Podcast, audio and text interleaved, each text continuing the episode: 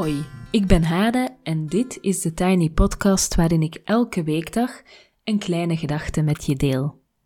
Vandaag is het donderdag 18 maart en vandaag horen we een dag uit het leven van Annelies Bollaert. Annelies, ook wel Bolly genoemd, en ik hebben elkaar ontmoet in Leuven, of beter, onderweg naar Leuven. Ik ging samen met mijn moeder, blijkbaar ging dat, ging dat destijds zo, naar een infodag van onze studie in Leuven aan de Katholieke, Universiteit, uh, om dus te kiezen wat ik het jaar daarop zou gaan doen. En onderweg in de trein kwamen we Annelies tegen, waarmee we in gesprek geraakten en die dus in het eerste jaar zat en ons meetroonde naar de juiste faculteit. Toen ik vervolgens in het eerste jaar zat, werd Annelies mijn meter binnen de studentenkring, waar ik verder overigens niet heel actief was. En later volgden er banen en baby's en huwelijken en relaties en weken, maanden waarin we elkaar niet zagen of spraken, maar we vonden elkaar altijd weer terug. Vandaag is Annelies de stoere moeder van een kersvers, nieuw samengesteld gezin en ik mag een dag uit haar leven met jullie delen. Nog even over deze rubriek. Ik denk dat het ontzettend helpt om compassie, mildheid en begrip voor elkaar te krijgen als we af en toe een keer een blik in elkaars hoofd en leven kunnen werpen. En ik denk dat dat via deze weg heel goed kan. Het gras lijkt heel vaak een pak groener aan de overkant en door even mee te kijken in het leven van iemand anders krijg je daar volgens mij een wat realistischer beeld van.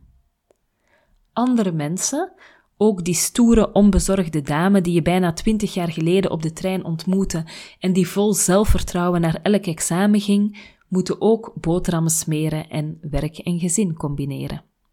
Dus bij deze een dag uit het leven van Annelies. Vijf boterhammendozen vijf drinkflessen en tien fruit- en koekendoosjes. Een hele reeks als ik het zo op het aanrecht aanschouw. Het is donderdagavond, 21 uur, en de keuken is eindelijk opgeruimd en weer ontbijtproef gemaakt. Ik sleep me nog naar de badkamer om een was uit de droogkast te halen en te plooien. Ondertussen luister ik naar het zachte geadem en hier en daar zelfs een beetje geknor van onze vijf kinderen. Ik weet me gezegend als ik weer naar beneden kom en samen met het lief overlopen we het komende weekend. Nog voor we aan de zondagavondplanning zijn, lig ik al half te slapen in de zetel. Met een half oor hoor ik Amanda Gorman haar speech tijdens het journaal en ik kan alleen maar de vurige wens hebben dat onze kinderen ook zullen uitgroeien tot zelfbewuste persoontjes. Voor ik het goed en wel besef, gaat de wekker weer af. De ochtendrush kreeg in ons gezin een nieuwe dimensie. Ons gezin dat bestaat uit het lief, mezelf en onze vijf kinderen. We zijn niet zo vrolijk ochtends. We zijn dus alle zeven een beetje grumpy en we hebben ongeveer een uur de tijd om iedereen op de baan te krijgen. Heel concreet palm ik als eerste de badkamer in voor de volle negen minuten, terwijl beneden al een tas koffie achterover wordt geslagen, om dan die rollen om te keren. De vijf kinderen volgen daarna volgens een strak schema. Als ik boterhammen sta te smeren, hoor ik voetjes naar beneden komen en voor ik het weet liggen er cornflakes over de hele tafel, samen met speltjes, rekkertjes, toetsen die nog getekend moeten worden en een verdwaalde handschoen. Ik eet al rechtstaand wat yoghurt met fruit en ben oprecht blij wanneer we de deur toetrekken. Ik ga samen met de oudste te voet naar school. Het lief neemt zijn twee kinderen mee naar de auto en van daaruit naar school. Voor de drie kinderen die ik naar school begeleid, nam ik de zorg al op van voor hun geboorte. De twee andere kreeg ik er vorig jaar als bonus bij. De mooiste bonus die ik ooit kreeg. De kinderen worden afgeleverd en wat ben ik blij dat ik met de fiets naar mijn eigen school kan vertrekken. Het half uur waarin ik mijn gedachten de vrije loop kan laten gaan en dat ik mijn humeur weer naar een normaal niveau kan laten stijgen. Door de hele coronacrisis geef ik aan halve klasse les, wat een verademing. Godsdienst geven aan tien pubers tegelijk is veel aangenamer dan aan twintig. We komen tot echte gesprekken en ik ben nogmaals dankbaar dat ik deze job mag uitoefenen. Samen met jongeren op weg gaan is zo ontzettend waardevol. Al kan het ook hard tegen onzacht zijn, en ik ken het gevoel Saved by the Bell ook erg goed. Koffie en koekjes met de collega's zorgen dan voor een nieuwe lading energie. Want het lesgeven aan die halve klasse wil ook zeggen dat we ondertussen opdrachten voorzien voor de leerlingen die thuis zitten. Ja, ik ben moe. Ja, ik wil zo graag terug naar het gewone. Ja, ik wil op een normale manier mijn werk kunnen doen met hart en ziel. Maar tegelijkertijd besef ik dat niets normaal is, dat we de zorg niet in de steek kunnen laten dat iedereen mee verantwoordelijkheid draagt en dat ik verdorie van geluk mag spreken dat ik niet al een jaar thuis moet werken. Op de fiets onderweg naar huis voel ik de week van me afglijden. Ik voet er wat op autobestuurders, autobestuurders die vergeten dat er in de stad ook fietsers rijden en voer in mijn hoofd wat ruzies uit en tegen dat ik weer aan de schoolpoort sta ben ik helemaal gelouterd.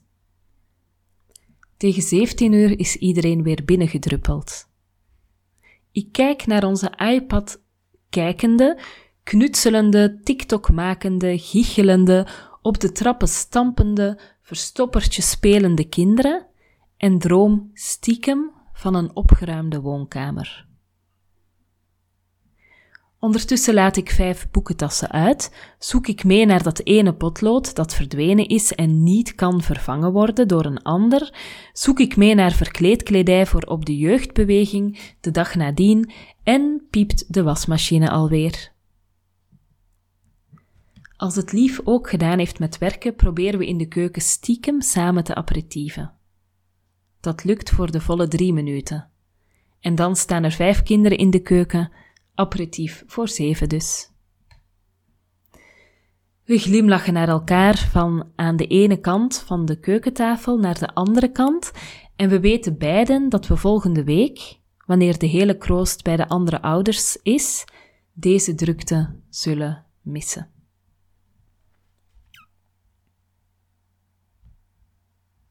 Wat ontzettend fijn, Annelies, om een dag te krijgen in jouw, een, of om, wacht hè, om inzicht te krijgen in een dag uit jouw leven.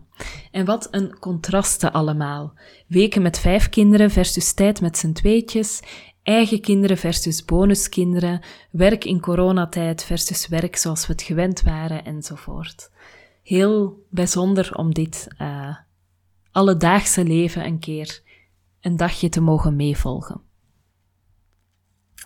Ook een dag uit jouw leven is van harte welkom.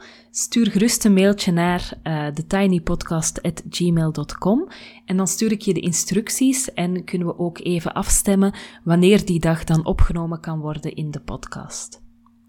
En tot zover de Tiny Podcast voor vandaag. Je kan me volgen op Instagram, TheTinyPodcast. Je helpt me door deze podcast wat sterretjes te geven op iTunes een review achter te laten en of hem door te sturen aan iemand anders die er misschien ook graag naar luistert. Abonneer je via Spotify, Google Podcast of Apple Podcast en zo wordt de podcast ook weer makkelijker vindbaar voor anderen. Ik wens je een heel fijne dag um, en heel graag tot morgen voor de laatste Tiny Podcast van deze week. En zoals je misschien wel weet, wordt dat een poëziepauze. Tot morgen.